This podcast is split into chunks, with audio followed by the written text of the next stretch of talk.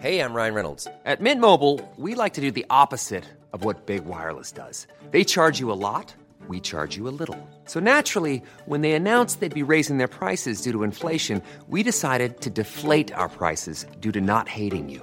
That's right. We're cutting the price of Mint Unlimited from $30 a month to just $15 a month. Give it a try at mintmobile.com slash switch. $45 upfront for three months plus taxes and fees. Promo rate for new customers for limited time. Unlimited more than 40 gigabytes per month. Slows. Full terms at mintmobile.com.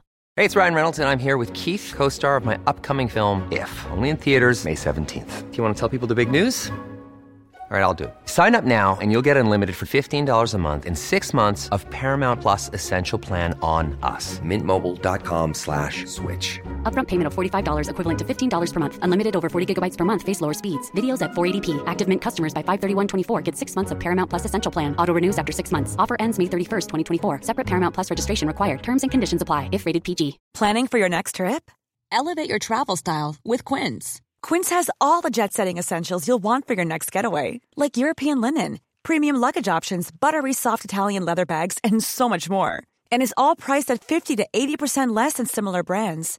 Plus, Quince only works with factories that use safe and ethical manufacturing practices. Pack your bags with high-quality essentials you'll be wearing for vacations to come with Quince. Go to quince.com slash pack for free shipping and 365-day returns.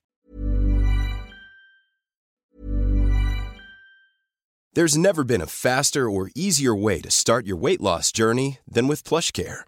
PlushCare accepts most insurance plans and gives you online access to board-certified physicians who can prescribe FDA-approved weight loss medications like Wigovi and Zepbound for those who qualify. Take charge of your health and speak with a board-certified physician about a weight loss plan that's right for you. Get started today at plushcare.com slash weight loss. That's plushcare.com slash weight loss. plushcare.com slash weight loss. Since 2013, Bombas has donated over 100 million socks, underwear, and t-shirts to those facing homelessness. If we counted those on air, this ad would last over 1,157 days. But if we counted the time it takes to make a donation possible, it would take just a few clicks. Because every time you make a purchase, Bombas donates an item to someone who needs it. Go to bombas.com slash ACAST and use code ACAST for 20% off your first purchase. That's bombas.com slash ACAST, code ACAST. Hey, it's Ryan Reynolds, and I'm here with Keith, co star of my upcoming film, If, only in theaters, May 17th. Do you want to tell people the big news?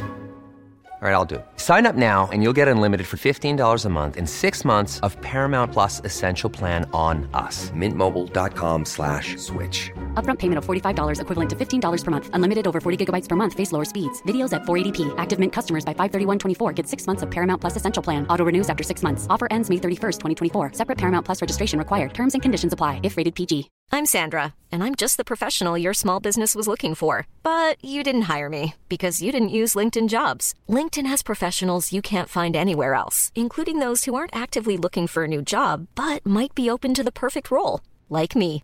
In a given month, over 70% of LinkedIn users don't visit other leading job sites. So if you're not looking on LinkedIn, you'll miss out on great candidates like Sandra. Start hiring professionals like a professional. Post your free job on linkedin.com/people today. Hey there, it's Michelle Norris. I'm host of a podcast called Your Mama's Kitchen. When I travel, I'm usually looking for a way to find a taste of home when I'm not at home. And one of the things I love to do when I am at home is entertain. And Airbnb allows me to do that. When I was in California recently, I rented a house that had a great kitchen. And when we were sitting around the table, we we're all thinking, we're in someone else's house. Someone could be in all of our homes as well.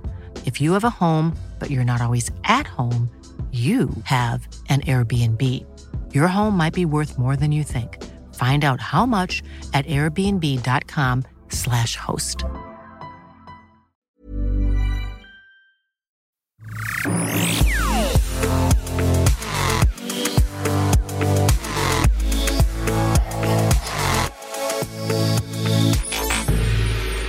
Krypterade telefoner i Ukraina-kriget. Granskning av attacken mot kärnkraftverket Zaporizjzja och blockering av ryska mediesajter i EU. Hur två svenska ingenjörer från Saab var med och hittade Ernst Shackletons Antarktisfartyg Endurance. Hej och välkomna till Teknikveckan. Ny Tekniks podd där vi varje fredag berättar om veckans tekniknyheter. Jag heter Anna Orring och med mig idag har jag min kollega Anja Obminska. Hej hej! Vi på Ny Teknik ägnar ju mycket arbetstid och funderingar nu åt kriget i Ukraina och hur kriget påverkar världen runt omkring oss. Vi har ju inte som de här breda nyhetsmedierna möjlighet att rapportera vad som händer varje stund. Utan vi hittar teknikperspektiv att fördjupa oss i. Anja, vad skulle du vilja lyfta fram från den här veckan? Något som jag eh, fastnade för och jag tror att jag vet att många av våra läsare också fastnade för var min kollega Kalle Wiklunds eh, artikel om hur Ryssland köpte in en väldigt dyr krypteringstjänst som kallas ERA. Och det här köpte de in för att kunna kryptera deras telefoner och säkra militär information. Eh, men under invasionen av Ukraina så visade det sig att de krypteringstjänster slutade fungera. Så bland annat så ska en eh, officer ha tvingats ringa över en okrypterad telefonlinje för att berätta om att de förlorat en rysk generalmajor i strid, eh, vilket då ukrainsk eh, underrättelsetjänst ska ha kunnat avlyssna. Och eh, Kalle går i den här artikeln då in på vad som kan ha gått fel. Eh, en väldigt spännande, bra artikel. Precis, så man kan läsa den på nyteknik.se. Eh, jag tyckte det var väldigt intressant att ta del av en granskning eh, som handlade om strid, granskning av striderna vid kärnkraftverket Zaporizjzja som amerikanska public service-organisationen NPR har gjort. National Public Radio. Och de här striderna bröt ut natten till den 4 mars och ledde till skador på byggnaden på byggnader inne i kärnkraftens område. Där finns det sex reaktorer och det är Europas största kärnkraftverk. Och det som NPR gjorde var att granska bilder och filmer från den här natten och dagen efteråt. Det är alltså mobilfilmer, eh, webbkameror, satellitbilder, alla möjliga tillgängliga bildkällor då och för att kartlägga förloppet. Och eh, det visade sig då att eh, kärnkraftverket utsattes för betydligt större risker än vad man först trodde. I alla fall jämfört med vad FNs atomenergiorgan IAEA sa vid de första pressträffarna dagen efter och dagen efteråt. Och eh, det går att läsa mer om den här granskningen på nyteknik.se. Men en sak som jag tycker, förutom själva granskningen, så det är intressant det här arbetet att med hjälp av bilder och eh, annan bilddata kunna eh, i efterhand kartlägga ett förlopp som till en början är väldigt svårt att överblicka, som det ofta är i krig då såklart. Jag tror att vi kommer få se många sådana kartläggningar och granskningar av enskilda händelser nu under Ukraina-kriget. Det, det, finns ju alltid motstridiga uppgifter. Vem har gjort vad vid attacker och strider? Det finns ju många sätt att eh, gå igenom det i efterhand. Jag tror vi kommer se väldigt mycket av det. En annan intressant nyhet som också rör kriget i Ukraina och som fortsätter att diskuteras nu de här dagarna, det är eh, e EU-beslutet att blockera de ryska mediesajterna Russia Today och Sputnik i Europa. Och eh, det här beslutet har lett till att alla svenska teleoperatörer har genomfört den här blockeringen. Du har skrivit om det här. Anja, vad handlar det om? Ja, precis. Det är jag och eh, min kollega Kalle Wiklund eh, igen då, som eh, har tittat lite närmare på det här och precis som du säger, eh, bakgrunden är att Europeiska rådet har meddelat att medlemmar i EU ska blockera ryska medier då som till exempel RT och Sputnik News.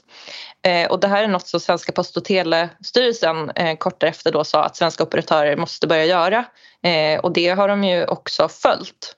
Ja, och det är Sverige och övriga länder i EU då och svenska kulturministern och myndigheten då, PTS som du sa, de har ju sagt att det här är förenligt med både med nätneutralitetsförordningen och även med andra lagar och som svenska grundlagar. Men det finns ju de som inte håller med. Vilka är det och vad är argumenten? Ja, eh, en av dem som kanske har eh, gjort sin eh, röst eh, mest eller en av de, de högst, liksom, vad ska vi säga, de som har höjt sin röst mycket i den här frågan är bredbandsleverantören Bahnhofs vd. De vänder sig emot det här beslutet och eh, vd menar då att det här kan leda till en slags kapprustning av nätcensur. Han menar att det rätta motmedlet mot den här typen av sajter är ju mer öppenhet och demokrati, anser han då, inte mer censur och blockering. Men sen undrar han också om det här beslutet ens är förenligt med informationsfriheten som vi har inskriven i den svenska grundlagen. Så han vill att det här ska förtydligas. Och vi har också pratat med andra som ser en risk för att det kan bli en oroväckande gallring av vad som är rimlig information och inte och, och vem är det som ska bestämma vad som får och inte får finnas på internet. Um, det är nog ingen som inte tycker att propaganda är ett problem. Men frågan är alltså, är det här rätt väg att gå? Och också, var ska det sluta? Eh, om det är den här vägen vi har börjat vandra. Precis, och skälet då till det här beslutet är just att de här sajterna ska sprida eh, rysk propaganda till eh, människor i Europa och då finns det debattörer i Sverige som har sagt att vi måste liksom höja vår blick och inte bara titta på hur det ser ut i Sverige utan att den, den här propagandan når ju även grannländerna runt Ukraina och runt konflikten eh, och att där är, gör en mycket större skada än den kanske då gör i Sverige, även om den kan göra skada här också. Men eh, det är en högst problematisk fråga, får vi säga. Och eh, vi kommer fortsätta följa och debatten kommer säkert fortsätta. Då lämnar vi för tillfället Ukraina-kriget. Den 5 mars i år så gjordes ett fynd på 3000 meters djup i Antarktiska oceanen som fick uppmärksamhet över stora delar av världen. Anja, vad var det man hittade? Ja, det var ett eh, över 100 år gammalt fartyg i trä som eh, kallas Endurance. Eh, det sjönk 1915 ehm, och det har alltså dröjt fram tills väldigt nyligen innan man återfann det. Det har skett expeditioner tidigare och försöka lokalisera eh, vart det fanns. Eh, men först nu så har man alltså hittat det här skeppet. Och Endurance var ju alltså expeditionsfartyget för eh, upptäckaren Ernst Shackleton, Sir Ernst Shackleton, som skulle utforska Antarktis. Och de fick ju helt enkelt överge fartyget i packisen där det hade kilat fast sig. Och eh, ta sig därifrån på andra sätt. Det är en mycket spännande historia. Vi ska inte dra den här nu, men i alla fall, fartyget blev kvar och är nu hittat. Den här expeditionen som hittade fartyget, de är fortfarande ute till havs och på väg till Sydafrika tillbaka till sin hamn där. Det finns två svenska medlemmar ombord. Du nådde dem för en intervju över satellittelefon. Vilka är de och vad hade de för roll i den här expeditionen? Ja, det är alltså två svenska ingenjörer som är med på expeditionsfartyget och som har varit um, en del av teamet på expeditionen helt enkelt. Och de jobbar på försvars och säkerhetsföretaget Saab. Eh, de är specialiserade på autonoma undervattensfarkoster. Och det är Lars Lundberg som är expert på hårdvara och eh, kollegan eh, Thomas Andreasson som är expert på mjukvara. Skälet till att de var med är att det har varit två undervattensfarkoster från Saab med på den här expeditionen. Den här farkosten kallas Sabertooth och det är den som man har använt för att hitta och filma och dokumentera det här vraket.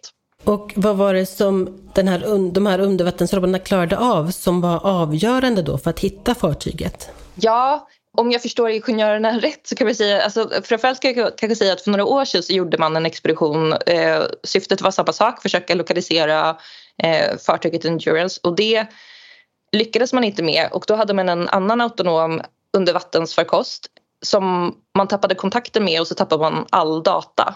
Så den här gången så använde man då eh, Saabs undervattensfarkost där man dels hade en fiberoptisk kabel som gjorde att man kunde få sensordata i realtid och processa det direkt. Men den här kabeln har ju också funkat lite som en livlina så hade man liksom, hade det funnits en, lite som en plan B helt enkelt att, att eh, risken för att liksom tappa farkosten eh, minskade tack vare det också. Men sen har Lars Lundberg då, en av de här två Saab-ingenjörerna jag intervjuade, eh, förklarat att eh, Sabertooth kan operera i alla frihetsgrader. Alltså det spelar ingen roll om den sjösätts i en tunnel eller i ett hål i isen. Eh, och med traditionella autonoma system så har det varit svårt att få ett tillräckligt stort område isfritt för att göra en sån här undersökning.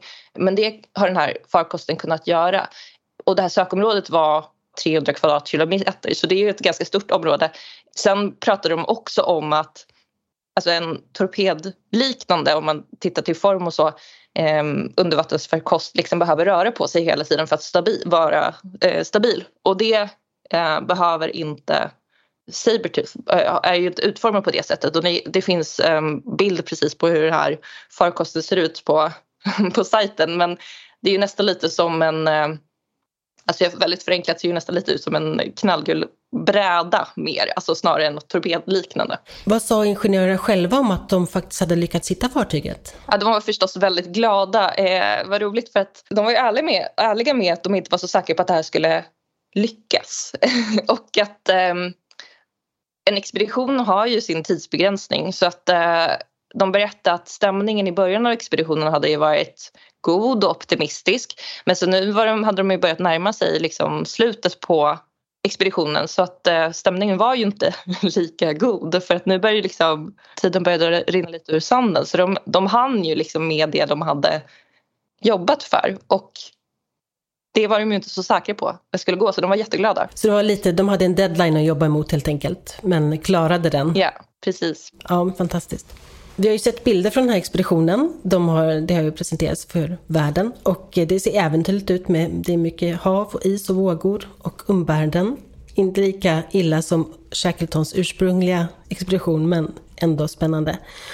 Om det hade gått Anja, hade du velat åka med i en ubåtsfarkost för att titta på det här fartyget? Alltså jag tror faktiskt det. Eh, jag hade, nu när jag liksom eh, pratade med ingenjören så, det lät så otroligt spännande och roligt. Det finns liksom alla komponenter. Eh, det är ett äventyr, en upptäcktsfärd och eh, alltså det måste varit jättehäftigt att vara med om det eh, även liksom om man inte kan vara med hela vägen ner. Så ja, jag tror faktiskt att jag skulle säga ja. Jag säger också ja. Vi ska säga då att det var ju ingen människa där nere nu och eh, man får inte röra vid fartyget. Det är skyddat. Det finns restriktioner. Och man får ju såklart inte plocka med sig och ta upp saker där heller. Det de ska göra nu med eh, all information de har samlat in, vad är det för någonting?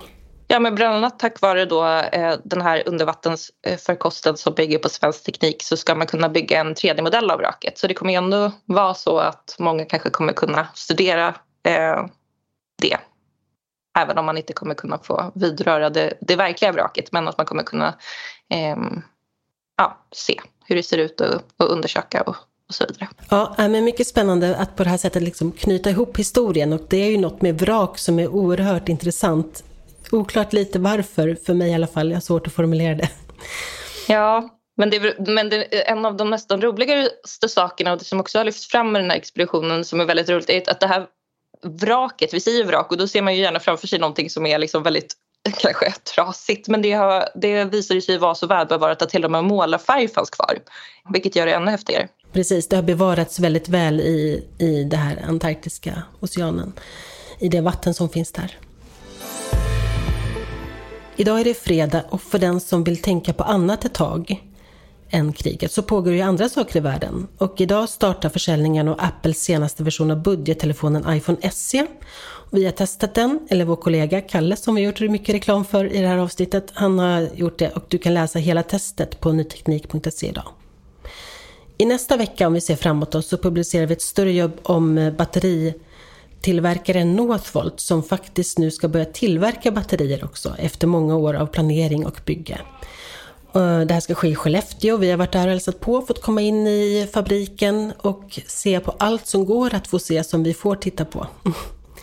Samtidigt då så eh, presenterar företaget fler och nya fabrikssatsningar i snabb takt i Sverige och andra delar av Europa. Så läs mer om det här nästa vecka i Ny Teknik.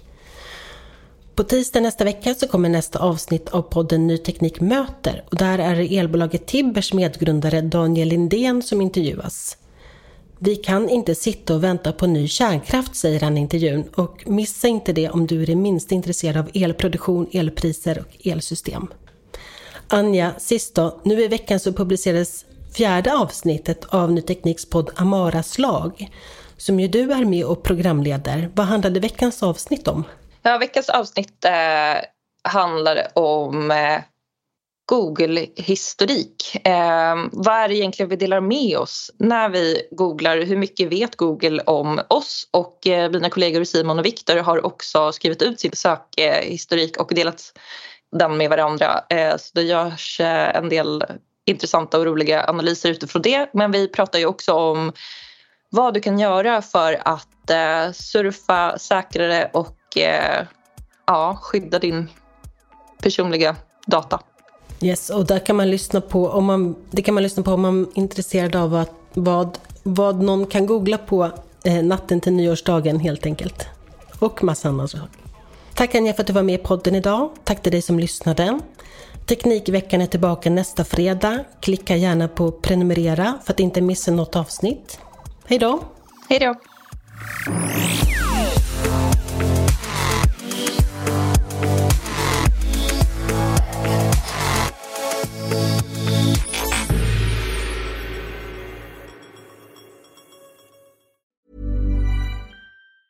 Even on a budget, quality is non-negotiable. That's why Quince is the place to score high-end essentials at 50 to 80% less than similar brands. Get your hands on buttery soft cashmere sweaters from just 60 bucks, Italian leather jackets, and so much more. And the best part about Quince, they exclusively partner with factories committed to safe, ethical, and responsible manufacturing. Elevate your style without the elevated price tag with Quince. Go to quince.com slash upgrade for free shipping and 365-day returns.